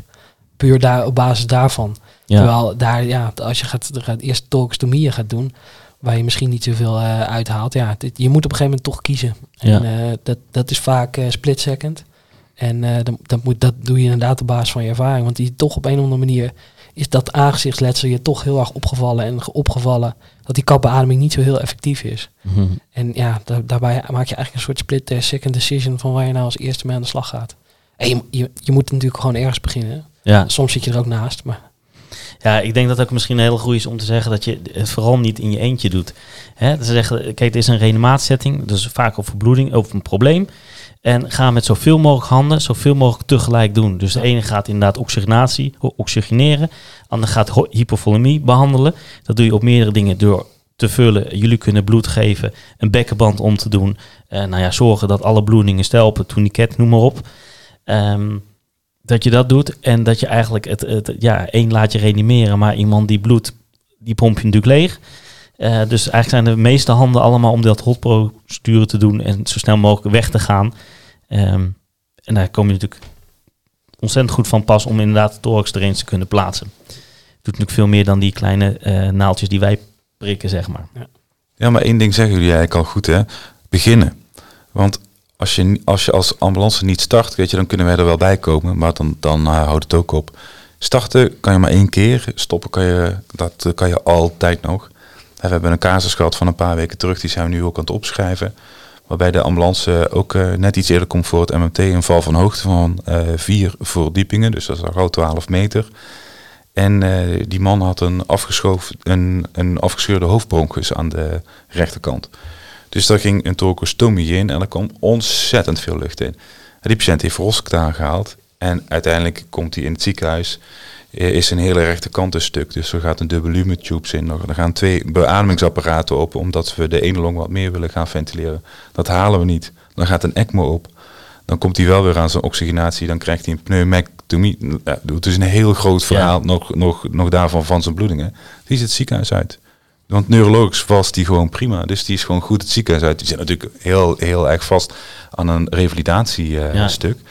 Maar die heeft het wel gehaald. En als de ambulance daar had gezegd, zo, dit is heftig, daar beginnen we niet aan. Dan was het MMT daar aangekomen en dat is dan minuten later. En dan hadden wij ook niet meer kunnen starten. Dus beginnen is denk ik een hele goeie. Ja. En soms weet je ook niet wat eruit komt. Maar ja, bedoel, stoppen kan altijd nog. Ja, het zijn hele moeilijke keuzes ook eh, vaak. Ik denk dat wij dat allemaal herkennen. Dat je, ja, dat je iemand onder een flat zien liggen en dat je denkt, ja, wat heb ik hier? Moet ik überhaupt nog wel starten? Is wel misschien een mooi bruggetje over, op het ethische stuk. Ehm, kan jij voor jezelf, eh, Victor, ik vind het leuk om bij jou te beginnen, omdat je vier jaar eh, zit. Hoe was dat in het begin, dat ethische, die ethische dilemma's dat je moet beslissen van we gaan wel door, we gaan niet door. Merk je dat je dat makkelijker bent gaan doen de afgelopen vier jaar? Ja, zeker. En het wisselt ook. Ik heb ook echt het idee dat het wisselt. Omdat je, ehm, ja, de, de dingen die je meemaakt, die, die, die, die, die, die maken, die tekenen je ook wel een beetje. En eh, ik heb bijvoorbeeld in het begin had ik echt een, periode met, eh, nou ik geloof wel zes kinderreanimaties in, eh, in drie maanden. En aan de ene kant was het heel heftig, maar aan de andere kant was het ook heel goed. Want ik bouwde heel veel ervaring op met, ja, hoe, hoe begin je, ehm, waar, waar stop je? Ehm, ja, dat, dat zijn de, en de- wat je met name, wat denk ik, het, MMT-werk heel anders maakt, is dat de situatie heeft veel meer invloed. Dus het is, er is, het is nog veel meer context en si- situatie afhankelijk. Ik zeg ook altijd wel aan, aan, aan mensen die vragen van wat is nou het verschil tussen het MMT en het ziekenhuis. En zeggen, het ziekenhuis is de situatie aangepast. Eh, of is de omgeving aangepast aan de, situa aan de situatie. En buiten pas je, pas je de situatie aan aan de omgeving. Ja. Dus je doet het precies andersom. Een ziekenhuis is helemaal gebouwd op datgene wat je moet gaan doen. En buiten moet jij je werkwijze gewoon aanpassen aan dat wat je tegenkomt. En dat kan dus inderdaad zijn. Ja, het, het grote verschil. Ik heb het een keer met een reanimatie gehad. Er was iemand als, eh, die lag op een zolder. Nou, die kregen we daar gewoon niet weg. Als diegene nou twee verdiepingen beneden voor, op de stoep had gelegen, was het een totaal andere situatie Ja. geweest. Herkenbaar. Ja. en dat soort dingen. Hey, en eh, ervaar jij ook, eh, ja, weet je, uiteindelijk, je, hebt, je hebt meer medische kennis. Hè? Je, kan, je kan meer doen met, zo'n, eh, met, met wat je bij je hebt. Maar ervaar jij ook steun van ambulancebemanning in beslissingsmomenten? Heb jij het gevoel dat je het heel vaak alleen doet? Of heb jij heel vaak van, het is als een team besluiten we iets? Ja, zeker. En eh, ik ben, ben blij dat dat zo is. En eh, ik vraag dat ook altijd. En ik, ik zou dat ook niet alleen willen beslissen, zeg maar. Het is, het is, ehm, ja, dat, en dat is ook de situatie die je in het ziekenhuis normaal hebt. Je hebt dus zelden dat je echt alleen maar iets moet beslissen. En er staan altijd mensen om je heen die ook veel ervaring hebben. Die ook veel, eh, eh, nou ja, veel ervaring, veel, veel gezien hebben. Die vragen je gewoon, wat vind jij? En moeten we door of moeten we niet door? En, en dat, dat neem ik wel, dat neem ik inderdaad ook heel serieus. Ja. En eh, wordt dat veel gedeeld onderling met, met jullie crewmembers, zeg maar, je, je verpleegkundige naast je? Voel je dat ook echt als een team? Of heb jij echt het gevoel dat het dan op het team van dat moment is? Of ervaar je echt veel steun van jouw eh, echt je directe collega? Ja, alle- allemaal. Ja. Allemaal. Ik heb eh, in de meeste gevallen heb je echt, eh, en dat vind ik ook het bijzondere aan het werk. Je komt ergens bij mensen die je helemaal niet kent. Bij mijn ambulancebemanning die je nooit eerder gezien hebt. En binnen een minuut sta je te werken alsof je het van vaker op de shockroom samen staat. Ja. Omdat je allemaal en protocolair werkt en gewoon dezelfde taal ja, je spreekt, zit denk op ik. dat moment in hetzelfde schuitje. Je staat voor hetzelfde dilemma en hetzelfde probleem. En eh, ja, een soort gezamenlijke vijand op dat moment. Ja. Hoe heb jij dat ervaren door de jaren heen? Ehm, nou ja, dat is eigenlijk ook. Me- meestal is dit eh, soort dingen is eh, eigenlijk als je aan het reanimeren bent hè, en je bent een beetje op het eind en je denkt shit moet ik hier nou wel of niet mee doorgaan. Weet je, dan, dan, dan, maak ik, dan probeer ik ook vaak een samenvatting te maken van oké, we zijn nu zo lang bezig. We hebben nu al zo vaak dit ritme gehad en dit blok zitten we. Van de vier H's, vier T's kan ik deze benoemen. Hè. Daar hebben we samen hebben we daarover nagedacht. En dan ga ik ook een plannetje maken dat ik denk van ja, weet je, ik, ja, ik, ik, ik denk dat we klaar gaan zijn. Hè. Zullen we eh, deze ritmecheck nog, ook, nog, eh, nog eh, doen en dan zullen we dan stoppen of niet? Of hebben jullie nog een idee? Dus ik vraag altijd actief eigenlijk om te kijken of iemand anders nog een idee heeft. Want ik kan ook wel eens een keer een slechte dag hebben of dat totaal niet aan denken. Ja. Ik denk dat dat ook de kracht is van de MMT's op dit moment. Is dat het. Dat dat. eh, dat is ook al eerder beschreven. Dat toen, eh, toen ze startten. Toen was het een soort bedreiging, werd het ervaren in het begin. Maar dat je nu altijd ziet van. joh, het is echt een team wat je werkt. En je kan altijd met jullie overleggen. Ik ervaar altijd als heel, als heel prettig. Je, je, je kan vragen, hebben jullie nog een idee? Jullie vragen het aan ons, waardoor je ook heel serieus genomen wordt. En je, je ook inderdaad goed kan meedenken. En dat je samen kan besluiten van oké, we stoppen. En dan voelt het ook voor iedereen goed. En het is ook belangrijk om dat te checken. Van, voelt iedereen zich daar ook eh, goed bij? Tot aan de brandweer toe die aan het meemasseren was. Want als voor hen onduidelijk is, je wil niet dat zij met een vervelend gevoel weggaan natuurlijk. Nee, ik kijk ook altijd die kant op. Ja, Het is van, joh, snappen jullie dit en ben je het ermee eens? ja, en wij maken ja, dat soort situaties soms mee, maar jullie maken dat natuurlijk dagelijks mee. Jullie hebben ook eh, bloed aan boord. Hoe vaak eh, wordt dat heel vaak gegeven? Of is dat iets wat niet veel gebeurt? Nou, inmiddels toch al twee keer in de week eh, bij ons. volgens mij. Ja, wat met enige regelmaat wordt het gegeven. Maar dat was natuurlijk ook, om, vroeger hadden we het niet bij ons, moesten we het uit het ziekenhuis laten komen. En nu hebben we het bij ons en wordt het op indicatie, zeg maar, op klinische indicatie gegeven. Dus eh, dat wordt best wel vaak gedaan. Ook omdat je het nu gewoon ook daadwerkelijk bij je hebt. Ja, ik denk dat, Ik heb er toch al een paar mensen mee gered. Nee, het nu al. ja. Waarvan ik toch echt wel heel zeker weet dat die het niet hadden gered aan het, zie- naar het ziekenhuis. eh. En het zit nog niet heel lang eh, aan boord. Hè? Het is denk ik nu, wat zal het zijn, een jaar of twee jaar nu? Tweede, Nee. Dat is 2017. Ja, ik weet het niet. Ja, Volgens dat is mij, 2017. Ja, maar in ieder geval langer dan vier jaar. We ik heb hadden nog onderzoek gedaan met bloed en kinderen. Dus we hebben eh, met de Lifeline 2 en de 3 hebben we toen in een, Ja. een periode van zes jaar tijd hebben we aan tien kinderen bloed gegeven. Waarbij twee kinderen zeg maar een, een onverwachte over, eh overgeleefd zijn geweest. Ik denk dat het ook een goede is om te... eh, Ik zit zo te denken aan fluxus postpartum. Hè? Dat je... Ja, je kent wel die, die, die zwangere die dan in een ontzettend heftig gaat bloeden, steeds witter wordt. Dat je daar echt aan denkt van jongens, eh, zorg dat er een rendezvous is. eh, met het MMT. Want of je rijdt nog eh 10 minuten en je hebt niks meer. Of je gaat starten met bloed onderweg. Ik denk dat een ontzettend grote meerwaarde in die zin is. Ja, soms is dat gewoon de enige interventie die je doet. Ja, Ik heb daar laatst eh, eentje gehad, dat was een patiënt die kwam eh, ook eh, in Noord-Holland en eh, deed de ambu open en op dat moment begon hij te gaspen en dan was het kapno heel laag. Gelijk de echo erop, dus dat, dat deed het hart het nog wel, mhm. maar helemaal leeg. Dus nou, toen bloed uitgepakt en racen naar het eerste even naar, naar, naar Alkmaar. En eigenlijk alleen maar de enige interventie die ik toen gedaan heb, is gewoon heel hard in de zak knijpen. ja. En toen heeft hij het net gered. zeg Maar ja het- soms eh, kleine, kleine verschillen hè, die, het, ja, die het verschil maken, zeg maar. Ehm, worden jullie vaak eh, gebeld om, om, in, om te overleggen, zeg maar? Ik heb het idee dat dat vroeger vaker was en dat we dat nu iets minder hebben. Maar dat kan ook een gevoelsding zijn. Maar we worden wel om de zoveel tijd worden wel gebeld met, eh, met eh, vragen. We hebben een aantal keren een bel gehad bijvoorbeeld. eh, dan staat een ambulance daar. Die heeft ons eigenlijk niet echt nodig. Maar die wil wel rechtstreeks naar een brandwondencentrum gaan. Omdat die patiënt heeft met zijn handen of zo in het vuur gezeten. Maar hij doet de pijnstilling kan die eigenlijk gewoon volgens, L, volgens LPA geven. En soms hebben we nog wel eens dingen over pijnstilling. Dat zal aan het einde van het protocol zijn. Maar de patiënten hebben nog steeds pijn. En wat kunnen ze dan nog geven? Ja, zo'n vraag heb ik al gehad. Ja, ik heb een aantal eh, verzoeken ook gehad. Dat, eh, dat was eigenlijk het primaire verzoek was eh, voor sedatie. Kun je, en dat was met name mensen die zichzelf echt dreigen ernstig in gevaar te brengen. Die gewoon onder sedatie moeten om, ja, om, zichzelf geen, Ja. geen verder letsel aan te doen. Ja, of dat, je, of dat mensen te, onru weet je, te onrustig zijn en op vier hoog wonen en moeten afgehezen worden, niet via de trap. En dat dat alleen maar kan als er gestudeerd wordt natuurlijk. Ehm, eh, zijn ook wel geweest bij excited delirium eh, syndroom? Dat je gewoon, dat je het, ik- lijkt me het heel vaak dat je het met midazolam niet aan kan. Tenminste, ik ken het uit de ervaring. Dat jullie daarbij bij geroepen worden. Nou ja, daar hebben we een super mooi middel voor en dat is Propofol. Ja. Dat vind ik een van mijn lievelings... Nou, ik ben anesthesist ook, dus dat is natuurlijk een fijn middel.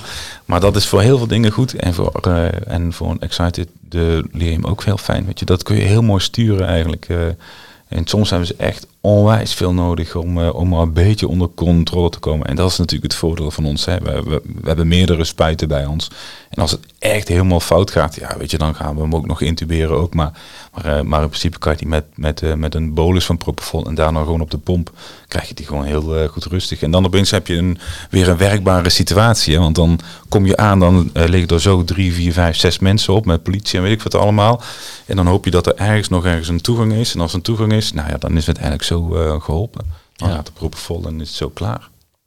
Ja, Ja, ik ben wel heel erg fan van Kate Nest.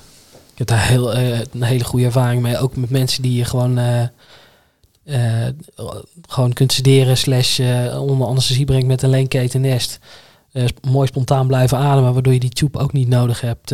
en met name ook voor mensen die, die hypovolemisch zijn, is dat heel prettig. Ja. Dat je ze niet hoeft te intuberen. Maar het is mooi, hè? want het is toch wel, ik heb twee mensen voor me en ze hebben toch wel hun eigen voorkeursmiddelen die ze ook gebruiken. Ja. Is het misschien wel leuker, hebben jullie protocollen waar je aan houdt? Nou, we hebben geen protocollen.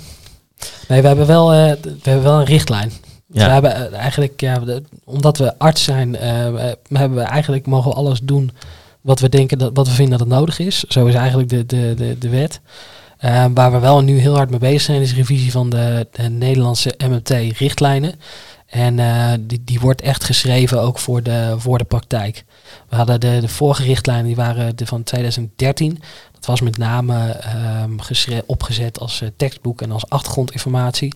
En we zijn nu heel erg bezig om dat eh, om te schrijven naar een soort praktische richtlijn ehm, eh, voor de praktijk. Die komt ook in appvorm beschikbaar.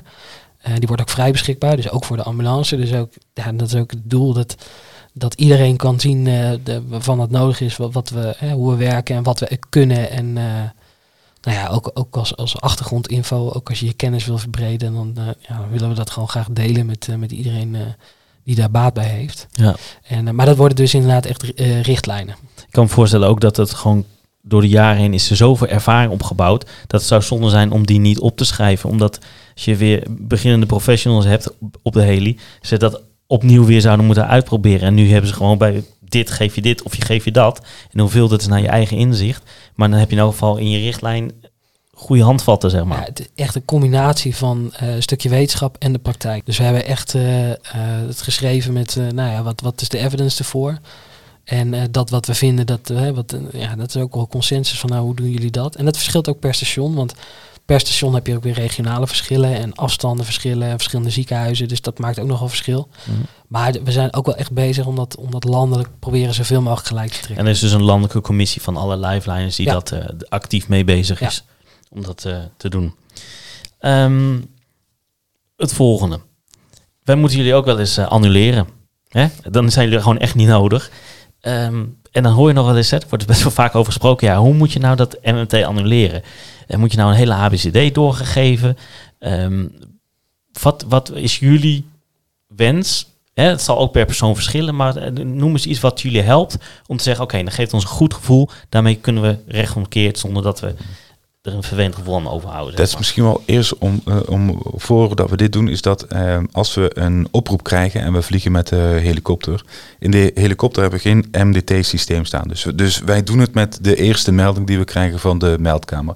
En jullie weten ook, zeg maar, dat als je die melding krijgt, dan komt er om de zoveel tijd komt er een geluidje en dan komt er een update. Alleen die updates, die zien wij nooit. Dus wij vliegen nog steeds met die oude kennis waar we mee zijn ingestapt. Dus eigenlijk wat we willen zien, of eh, graag willen horen, is dat we een, een situatieschets, hè, een beeld krijgen. En Want, eh, want we hadden het er net al over. Hè, als, eh, als je daar aankomt en je ziet dat iemand op de vangrail zit en die loopt zelf naar de ambulance, ja, dan heb je daar nog geen waardes van. Maar alleen als je dat al zit, nou ja, die meneer heeft een grote klap gemaakt met zijn auto. Die is er zelf uitgekomen, die zat net op de vangrail. En die loopt met ons nou mee richting de ambulance.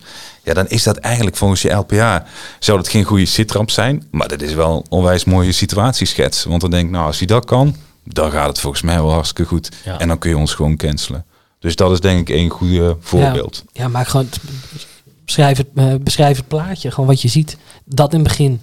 Ja, dus het gaat niet eens om de, waar, de waarde, want het is logisch als iemand oploopt en een goede kleur heeft, dan weet je dat een bloeddruk goed is. Ja. Dan hoef je die niet per se zo... eh, En eh, laat je ook niet opjagen door de meldkamer. Hè? Want vaak horen we dan, eh, hè, dan melden we ons in. En dan zegt nou, de, de ene wagen en de andere wagen die zijn onderweg. Deze is net aange, die, die is er net. En dan hoor je even niks. En tien of twintig tellen later hoor je de meldkamer al roepen van... Wagen 100 en zoveel, zouden jullie al een sitrap naar de heli kunnen geven? Ik denk, ja, die mensen zijn, die, die mensen zijn net binnen. Ja. Dus die hebben maar eh, al een half woord kunnen doen. Die hebben niks kunnen aansluiten. En dan is het nadeel, want dan krijg je zo'n half verhaal of een kwart verhaal. Ik, dus- dus, en dan zit ik nog met die oude kennis van net. En dan denk ik, ja, dat, dus dan krijg ik, hè, dan, dan heb ik weer een vraag. Dan ga ik die vraag stellen en dan krijg je een discussie over de zender. En dat is dan eigenlijk niet. Dus wacht gewoon even en maak je verhaal helemaal af. En dan heb je ook een verhaal naar, eh, naar eh, ons toe. En, en dan valt waarschijnlijk een heel deel van die, van die, van die discussie valt weg. ja. Want die zit er niet. Ik denk dat ook eventjes eh, goed is. We hebben het al een keer eerder in de podcast gehad, maar het is goed om het te herhalen. Eén, als je jullie annuleert of met jullie praat, en dat is belangrijk, doe het via de meldkamer. Hè. Even een spoed aanvragen als het met spoed moet, zodat de meldkamer er ook van meeluistert. Dat is gewoon ook wel echt handig. Als wij jullie annuleren, is het wel handig als de meldkamer dat ook weet. En als we jullie door laten vliegen, dan moet politie ook vaak geregeld worden, eh, dat soort dingen. Eh, ze houden er toch rekening mee. Dus als je communiceert, doe het even via de meldkamer. Ook al staan we in de patch. Hè, dat is een wens van alle meldkamers in Nederland. Ehm, het tweede stuk is, als je nog geen gegevens hebt, laat jullie gewoon doorvliegen. Ook al, het is maar een vervoersmiddel. Daar hebben we het vorige keer ook over gehad. Het, het is een heftig klinkend vervoersmiddel. En het voelt als een grote verantwoordelijkheid dat je een helikopter laat landen. Maar uiteindelijk, ja, hè, voor jullie is het gewoon zoals een fiets pakken. Je pakt de heli. Ehm, laat het dan maar gebeuren als je niet genoeg waardes hebt of niet genoeg inzicht hebt in hoe je patiënt is. En weet ik dat als jullie de landing inzetten, dat jullie de landing sowieso niet gaan onderbreken. Ja, dus het ligt eraan of je nog kan terugdoen. Maar als je echt aan het landen bent, dan gaan jullie door en dan ga je niet stoppen. Dat je ook een soort cockpit stilte hebt op dat moment. Ja, tenzij echt wel met een... eh, op zich in de landing kan je nog wel cancelen. Dus met name na de landing, als je dan, eh, dan, eh, als je dan op de grond staat, dan, dan gaat de, de, de mobi uit. Ja, Dus dan, heb ik even, dan, dan hoor ik even niks. oké. Dus dat is met name, zeg maar. Ja, en dan is nog de officiële route. Hebben we eh, ergens in de, in de landing hebben een LDP, een Landing Decision Point. Dus dan Ja. zijn we, hè, dus dan, dat, ma dat maakt niet uit wat er dan gebeurt, dan gaan we landen. Maar je kan je voorstellen als het een klein tuintje is of Ja. eh, weet ik wat allemaal. En de, en de ambulanceverpleegkundige of de BMH, zeg maar, die cancelt ons. Dat wij ook wel heel blij zijn om dan weer weg te vliegen. Ja, nee, logisch. Eh, maar ik denk dat het, het belangrijkste wat ik ermee wil zeggen is... laat je niet opjagen als ambulancebemanning. Want als het gebeurt, gebeurt het. Weet je, Nee, wij als hebben... Ja, We zijn zo weer weg. Ja. Als je, ook als je aankomt en oh, hoe is het? Eh, nou ja, ik was net te laat met cancelen, maar zoals je ziet, nee, ja, ik zie het. Nou, succes. ja. En als we juist willen dat jullie doorvliegen... Ja, wat voor informatie willen jullie? eh, niet zoveel. Niks is doorkomen sowieso. Ja. Of wat ik het mooiste wat ik ooit gehoord heb, foute boel, kom maar door. Nou ja, dat eh, Is wel dat duidelijk. meer dan genoeg. maar. Ja, jij gaf net nog wel een, eh, een tip, zeg maar. Ja, als, dan, als je dan, eh, dan, dan wilt dat wij doorkomen, als je een steekwoord geeft, dat zou voor ons wel fijn zijn. Hè? Want we hebben heel veel spullen mee. Maar ik ga nooit iedere keer mijn bloed meenemen. Maar als je zegt, nou, ik heb hier een steekwoord en er is heel veel bloedverlies, dan denk ik, oh ja, dat is misschien wel handig om mijn bloed mee te nemen. Dus als je een steekwoord zegt, of een neurotrauma of zo, dan denk ik, oké, dan weet ik dat ik met tas 1 heb ik eigenlijk al genoeg. Ja. Toch even een klein beetje een schets geven van wat er is natuurlijk. En, en eigenlijk als jullie eh, meevliegen, gaan er altijd één, twee auto's plus nog een rapid. Dus eh, maak tijd om jullie wel eventjes bij te praten. Want het is toch wel handig hè, als je een beetje een situatie eh, krijgt. En van al die teams die er zijn, is er vast wel echt één die even iets meer informatie kan geven, lijkt me.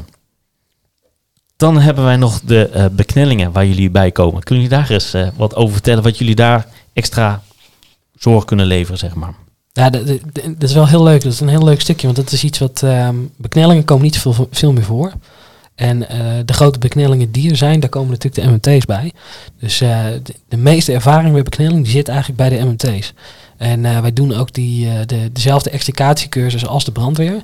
En ehm, ik, mijn ervaring is, is dat we de heel dat we dan heel soms, nou dat we vaak toch ook wel een beetje op het vak van de brandweer, dat je, heel, dat je ook technisch gaat meedenken hoe je iemand eh, het beste eruit kan krijgen. En dat is met name dat scheidsvlak van, eh, want je zit natuurlijk op een scheidsvlak van eh, hoeveel beweging vind je acceptabel. Ja, dat, dat, dat, dat mag ik bepalen. Maar ja, dan kun je ook heel makkelijk meedenken over van nou op welke manier kan iemand dan het beste eruit en waar kun je dan het beste ruimte maken. En omdat je het vaker ziet, krijg je er ook wel gevoel mee. Dus ik, ik, ik zit vaak ook wel actief mee te denken met de brandweer. Maar gaat, dat gaat, in mijn ervaring gaat dat supergoed. Misschien vinden zij het heel vervelend hoor. Maar Ja, Ja, maar ik vind het ook heel moeilijk voor de brandweer. Hè? Want de brandweer heeft heel veel taken. En eh, doet heel veel oefenen. Die hebben heel veel oefenen. En één deeltje daarvan is dan eigenlijk de, eh, de extricatie. En hoe vaak zien ze dat nou? Hè? Als je naar de kleinere korpsen gaat. En ja, dat zien ze niet vaak. En als ze dat oefenen, dan oefenen ze dat met hele oude auto's. En wij hebben het geluk gehad dat we met hele nieuwe auto's mochten oefenen. We mochten ook met vrachtwagens mochten we oefenen.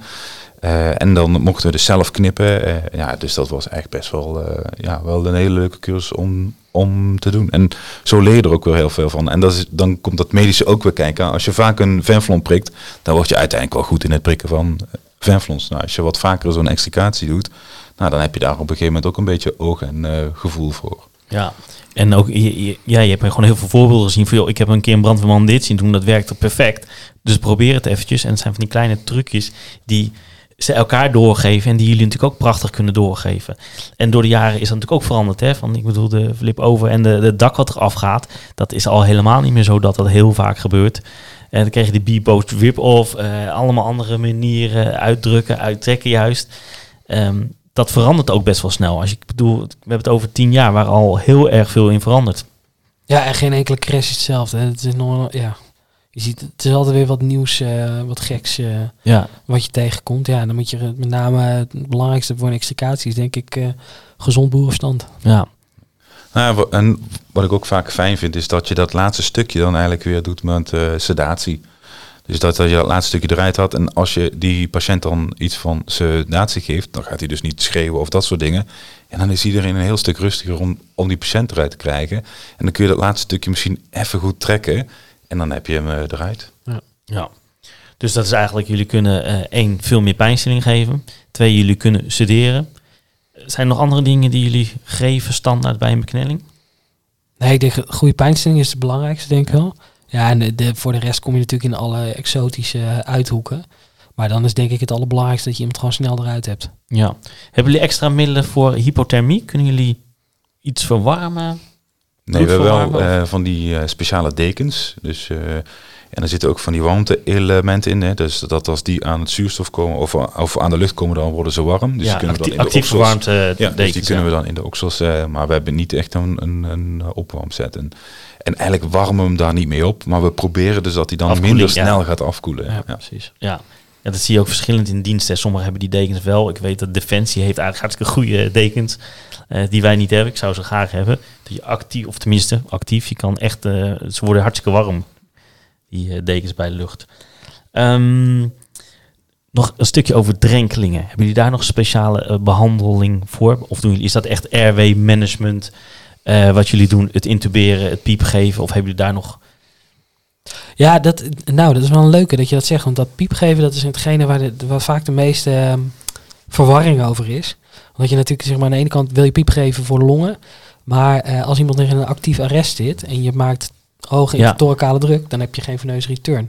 Dus eh, wa- wat ik altijd zeg van eh, eh, nog voor rosk eh, de piepklep eraf, na rosk erop.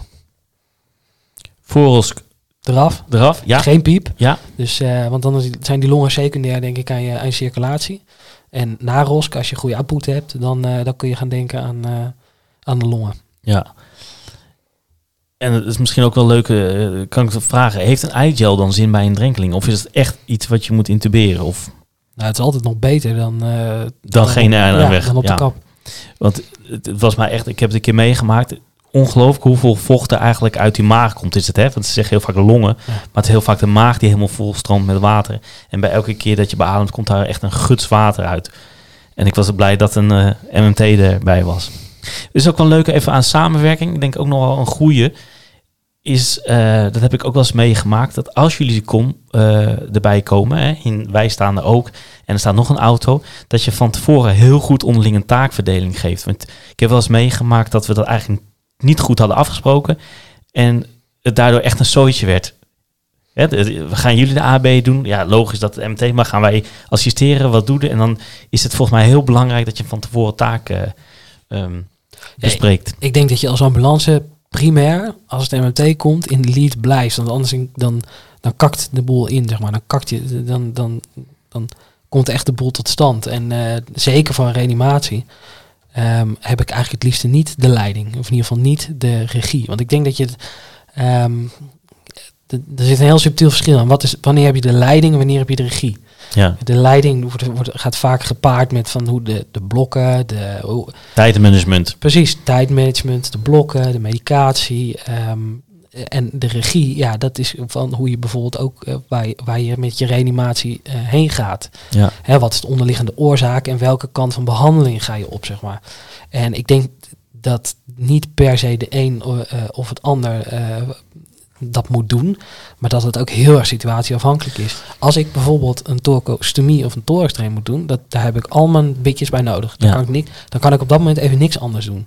Dus dan heb ik zoiets, ja, dat, dan, ja dat, dan kan ik dat niet erbij hebben, zeg maar. Nou, dat is logisch, het is een bandbreedte. En het zou Ja. zonde zijn als jij jouw kennis en, en, en vaardigheden eh, niet kan gebruiken omdat je het aan tijdsmanagement doet, toch? Precies, ja. Ja. en dat zie je tegenwoordig ook bij de reanimaties, dat we dat sneller wegzetten.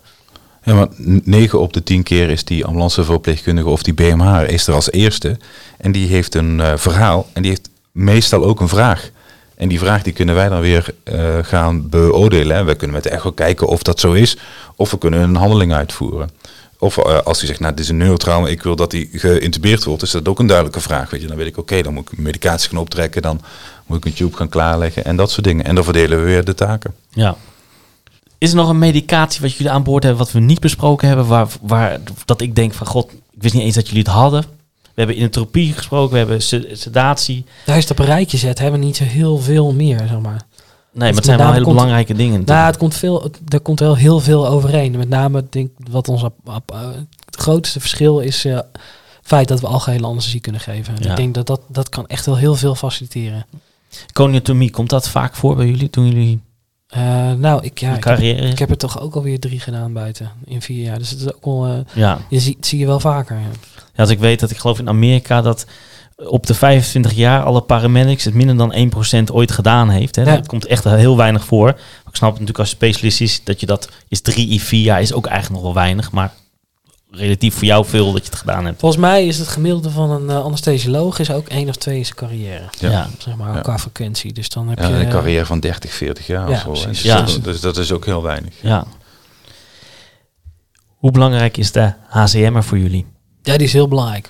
Dat is, ehm, dat is denk ik echt je tweede mening, eh, je geweten en je vangnet. En eh, ja, dat- wat, wat je wel eens hoort van, eh, van mensen van ja, de, op de heenweg eh, assisteer je de piloot en eh, bij de inzet eh, assisteer je de dokter. En je doet heel weinig zelfstandig. En ik kan me wel voorstellen dat het zo lijkt, maar je, je doet zijn inzet echt samen. En ook die besluitvorming en het delen van je ervaring, die, ehm, daar, daar heb je die, is die HCM er echt heel waardevol in. En met name ook als je in een situatie komt waar je, waar je moet gaan handelen, dan gaat je eigen situational awareness die gaat achteruit. Want je, moet, je bent vaak bezig met een procedure of je bent aan het intuberen of een thorax train. Dan op zo'n moment dan, dan heb je heel veel situational awareness verlies. En dat is echt een moment dat zo'n HCM er weer het overzicht heeft en op de goede momenten jou influistert van, eh, joh, heb je hier al aan gedacht? En eh, volgens mij gaat de patiënt achteruit. Ja, dat, dat, dat, is, echt je, dat is echt je vangnet. Dat Ja. is echt, eh, dat is, ja, dat is heel waardevol. En dat zijn maar hele kleine, subtiele dingen, maar die, maken echt, die kunnen echt het verschil maken. Ja, ja, dat is zeker waar. Maar, maar de HCM'er is ook je maatje.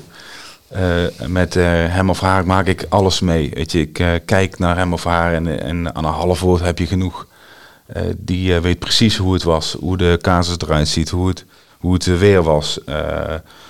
Hoe, hoe, hoe het daar stonk of hoe het daar niet stonk. En, en, en dat je met de voeten daar in de klei stond en dat het onmogelijk was en met je rug tegen de muur. Ja, het is echt je maatje. Weet je, als je iets, iets hebt meegemaakt en je zit er echt even mee of zo, dan, dan, ja, dan kun je met die eh, even goed kletsen. En dat is ook met de piloot hoor. Maar eh, ja, weet je, als je gaat vliegen, dan gaat de piloot meestal mee. En als je gaat rijden, dan blijft hij meestal thuis. Als je gaat vliegen trouwens, gaat hij altijd mee. Niet meestal trouwens. Ja. Ja, maar het gaat ook mee naar de inzet, hè? Want Ja. in principe blijft hij heel vaak gewoon wel bij de heli Ja, staan. precies. Dus die HCM maakt echt alles mee van, van dichtbij. Dus je, ja, weet je, met de, met de meeste kan je lezen en, eh, en eh, schrijven. Weet je. Dan, en, en, en daar weet je ook alles van. Je kent elkaars kinderen, je kent de partner, eh, je weet waar die mee zit eh, en eh, of er iets is. Of, eh, ja, je, bedoel, je kent alle verhalen. Ik denk dat ook het, wat jullie doen is ook... Het is een kleine groep, het is hecht, maar jullie maken ongelooflijk veel mee. Eh, op de ambu heb je het ook, hè. Dan zijn met bepaalde mensen heb je casuïstieken meegemaakt. Dat zal je nooit vergeten. Je kijkt elkaar aan en je weet, wij waren daarbij. Dat zijn best wel hele bijzondere contacten die je hebt, zeg maar. En dat heb je natuurlijk met zo'n HCM keer tien, zeg maar. Hè. Ja. Je hebt soms Absoluut. diensten dat je gewoon aan het eind van de dag niet meer weet van... Ja, ik heb, we hebben zoveel gezien. Dat ziet een normale ambulance verpleegkundige misschien in een maand of twee maanden niet eens... eh, of misschien nog wel langer niet. Eh, en daar moet je natuurlijk je draai voor vinden. Ja, zeker. Ja, je, je ziet soms eh, echt, het is heel, je ziet heel geconcentreerd, eh, ehm, eh, ja, je ziet, je ziet heel veel dingen tegelijk en soms ook achter elkaar. Er zijn ook soms sommige diensten dat je soms vier intubaties achter elkaar hebt. Mhm. Nou, dat is, dat is ongekend veel. En ook, eh, ehm, ja, de acuut zieke kinderen en de kinderreanimaties, dat is toch per MT-arts ongeveer, eh, nou, zes tot tien eh, per jaar. Dus dat, dat is echt wel heel veel. Ja. Is en wel- ook een stukje humor, hè? ja, Dat is ook belangrijk. Dat we daar achteraf misschien over sommige dingen, over sommige hele stomme kleine dingen, dat we daar kunnen over lachen. We hebben ook hele zwarte humor, dat ook wel. Ja, Maar het is echt maar dat is, dat is, maatje. allemaal, dat is ambulancebranche ja eigen. ik hè? Als je ja. dat niet tegen kan, dan moet je niet komen werken, want eh, d- dan is het niet vol te houden. En mensen zeggen altijd, het lijkt me zoveel ellende. Dan denk ik, joh, als je weet hoeveel wij lachen, volgens mij is dat meer dan op kantoor. Ja. Gelukkig maar. Gelukkig maar. Eh, nog één dingetje. Hebben jullie, want jullie doen moeilijke handelingen, hebben jullie een tip voor, voor hulpverleners om een handeling goed uit te voeren in het veld? Wat zijn de... Ja, wat ik voor mezelf heb, er zijn een aantal handelingen die zijn, ehm, die zijn gewoon moeilijk. En die zijn ook risicovol. En eh, dat zijn sommige dingen waarvan je zelf eigenlijk nog niet eens primair bewust bent dat het zo lastig is. En ik vind een eh, hele ehm, heel mooi voorbeeld vind ik de, de, de, de spanningspleeontlasting. De, torcus, de naaldtorcostomie. Ja. Dat is echt een lastige procedure. En ehm, vaak zit die, is die onderdeel van de HOT. Mhm. Dus nou ja, HOT, dat heeft vier letters. Dus eh, het is één van de vier. Dus vaak zit je eh, ook in je hoofd met ook al die andere vier. En eh, dat is best lastig. En ik denk, wat de, tip die ik zou geven, als je bepaalde dingen moet gaan doen waarvan je weet dat ze lastig zijn, zoom uit. Accepteer dat je situational awareness verliest. Geef bepaalde dingen die je aan het doen was, geeft die af. Neem een hele diepe zucht en concentreer je dan helemaal op datgene wat je op dat moment eh, moet doen. En dat kost, ja, dat, dat is echt 10 seconds voor 10 minutes. Eén diepe zucht is nog niet eens 10 seconden, hoop ik. Eh, dat hou je ook niet vol, eh, maar als je hartslag ook al op 130 zit. Maar het, met name, je moet je echt op concentreren. Je moet er echt even voor kiezen. Voor mij is dat bijvoorbeeld een thorax drain. Je kan met een thorax drain echt heel veel schade aanrichten. Als je, je kan hem in de lever stoppen, je kan hem, eh, je kan hem bloeding maken bij de, eh, nou ja, bij de vaten die net onder die rib liggen. Dus als je, dat, als je daarvoor kiest om dat te doen, dan accepteer je dat je heel je situation awareness ben je dan gewoon kwijt op dat moment. Dus dan moet je er of voor kiezen van dat geef ik aan de HCM of dat geef ik aan iemand anders of, eh, of aan een ambulanceverpleegkundige. En dan ben ik gewoon eventjes vijf minuten bezig met die thorax train. En dan kan ik even niks anders doen. En kan ik ook eigenlijk, ja, het is natuurlijk niet gestoord worden. Als het natuurlijk moet, omdat de patiënt geen output meer heeft, dan, eh, dan moet het. Maar in principe moet je dat gewoon even kunnen afmaken. Ja. ja, dat is natuurlijk wel lastig als je als eerste auto aankomt. Hè, en je hebt dat, dan moet je dat wel blijven doen. Maar het is wel goed te denken als je dan met meerdere eh ambu's te plaatsen bent. En je moet een moeilijke handeling doen. Dat je even zegt, jongens, kijk jullie even om je heen. Hou de rest in de gaten. Ik ga even puur op deze handeling zitten. Ja, en ook als je als eerste auto bent, ja, je hebt een lijstje van tien dingen. Eh, begin bij één. Ja, En eh, dan moet je even kiezen wat je het belangrijkste vindt. En dat is hetzelfde wat ik ook wel zeg tegen de mensen die eh, in het ziekenhuis die dan wel eens zeuren van ja, de ambulance heeft dit niet gedaan of de ambulance heeft dat niet gedaan. ja. Dan zeg ik van je, je moest dus weten wat ik allemaal verzaak. En je hebt eigenlijk moet je tien dingen doen en je hebt tijd voor drie en je moet kiezen. en, en nu, nu moet je Ja. kiezen. En binnen drie minuten aanrijden naar een Precies, ziekenhuis. hè? ja. Ja. het is altijd zo En makkelijk nog te een vooraankondiging, hè? Ja, een 3,5 infuus moet erin zitten en de maagzonde. Ja, nee, dat kan niet. Ik zag het ook. Het, staat bij een nieuwe richtlijn bij de reanimatieoverdracht dat je van tevoren gaat bellen. Nou, sorry, maar in vijf minuten en bellen en handelen en masseren en het is niet te doen. Hè? Dus neem het niet kwalijk als je niet belt, maar het is gewoon niet te doen. Maar dat is eh, de mensen die pre-hospitaal gaan werken, die kennen die situatie allemaal en eh, Ja, en soms moet je gewoon kiezen. moet je gewoon kiezen inderdaad. Ja. En dan eh, kies je naar eer en geweten en dan, eh, dan heb je het goed gedaan. Nog één vraag. Waarom ben jij zo blij om bij het MT te werken? Het is de, het, voor mij is het de ultieme uitdaging. Het is het medische, eh, wat ik al kende, maar dan onder, onder hele hoge druk, met moeilijk, onder moeilijke omstandigheden. En ik denk met name onder hele hoge tijdsdruk. Dat, dat is echt wat hetgene wat het. ehm, en het feit dat je je heel erg moet aanpassen aan de situatie. Maar die tijdsdruk is denk ik, die staat daar allemaal boven. Want die maakt ook dat je echt je beslissingen die je normaal zou maken. eh, wat het beste is voor de patiënt, kan onder die druk en onder die situatie echt ja, moeten wijken. Ja, En dat, dat, zijn, eh, ja, dat zijn ook beslissingen die je snel moet nemen. En ik weet ook dat, dat ehm, niet iedereen is daar comfortabel bij. Zeg maar. ja. Niet iedereen ehm, die wil dat. Nee, heel ik pas het. Hè. Dus, Ja, Ja. Zijn, ik weet heel veel van mijn collega's die zeggen van... nou, ik zou, ik zou moeten niet aan denken om dat te doen. nee. Je voelt je helemaal blij. Ja, Jij, Xavier? Wat is jij? Ja, dat is eigenlijk ook wel een beetje hetzelfde. Want elke keer is ook weer een uitdaging. Elke keer is het ook weer iets anders. En hoe ga je dat oplossen? Dan eh, ligt hij op de grond, dan ligt hij op twee hoog, dan ligt hij ergens in de hoogwerker. Ja, dat zijn ook echt wel de plusuitdagingen. En Ja. dat zie ik ook bij mijn collega's, zeg maar. Als ik met een bepaalde HCM vlieg en die zal nu wel beginnen te eh, lachen, dan weet ik dat ik heel snel daaronder moet liggen, want anders ligt hij daar als eerste. dan denk ja verdomme, ik wilde daar ook eigenlijk wel een keer zijn. Ja. Ja. Ja, ik, ik denk dat ik in samenwerking met de MMT, wat ik het mooiste vind om samen te werken met jullie, is eh, als er een moment voor is, is het na-evalueren. Dat je even kan doorvragen, wat in dit geval, wat in dat geval. Eh, dat wordt denk ik door heel veel collega's gewaardeerd. Als daar even tijd voor is. En dat is niet altijd, want jullie hebben gewoon hartstikke druk, vliegen door. Maar als er tijd er wel voor is, is dat altijd heel fijn. En eh, nou, in elk geval, in Ja, Amsterdam staan jullie altijd open om, om langs te komen. Dat je Zeker. gesprekken kan hebben. En dat is ja ook het is eigenlijk mooi. jammer dat we elkaar niet vaker spreken Ja. de hand. Wat ik nog wel eens probeer is op, ehm, op Silo, dat is die messenger-app eh, voor zorgmedewerkers, probeer ik nog wel eens mensen terug te vinden. Dus als mensen de, een profiel hebben, dan kan je ze zo terugvinden. Dan kan je zo eh, eh, berichten over en weer eh, sturen en eh, eventueel nog even bellen en dan kijken. Ja. eh, wat, eh, nou, ook eh, communiceren over hoe het is afgelopen. Ik vind dat ook wel eh, Ja, vooral dat laatste. Ja. Want ik vind het ook zo jammer dat de ambulance medewerkers eigenlijk niks meer mogen weten. Hè? Dus als je Ja. hem in het ziekenhuis ge- gebracht hebt, dan mag je niks meer weten. Dus meestal dan probeer ik, als, het, als er geen ritten zijn, na een paar uur nog even terug te bellen. En dan, joh, uit, uit de CT komt nu dit, hij legt nu op elkaar, bla bla bla. En dan, en dan heb je dat gezegd en dan komen ze misschien nog met een vraag van, ja, hoe zie je dit of hoe zie je dat? Of waarom heb je nou dit of dat gedaan? Ja. Dus dan kun je elkaar wel nog even ja, spreken als dat niet meer gelukt Ja. is nader heeft. Jullie staan altijd open voor telefoontjes achteraf. Zeker. Hè? Het is heel makkelijk om door, met de meldkamer naar jullie doorverbonden te worden. Zeker. Gewoon nog eventjes van, joh, ik heb nog een vraagje dit of dat, of hoe heb ik dat ervaren. Ik denk dat dat het hele grote leerrendement ook eh, geeft, zeg maar. Onwijs bedankt voor eh, alle informatie die jullie gegeven hebben. Ik vond het echt eh, weer, ja, toch wel weer behoorlijk wat vragen kunnen beantwoorden. En eh, ik hoop dat de luisteraars ook jullie, eh, eh, of ook veel hebben opgestoken naar deze podcast. Ehm, hartelijk bedankt. Graag gedaan. Tot de volgende keer. Graag gedaan. Wie weet. Ja, tot snel. wie Ja. Willen, willen jullie mij volgen, kan dat via ambulancedepodcast.nl. dus eh, mijn eigen site. Ik heb eh, Instagram, ambulance de podcast. En ik moet jullie vertellen dat eh, vorige week ben ik over de 50.000 streams gegaan. En ik zag dat deze week er alweer 1500 overheen eh, zijn geweest. Dus ik wil jullie hartstikke bedanken dat jullie steeds deze podcast luisteren. Ehm, vind je hem leuk? Ehm, deel hem alsjeblieft met mensen waarvan je denkt, ja, het is interessant. Ehm, dus deel met eh, je vrienden of je collega's.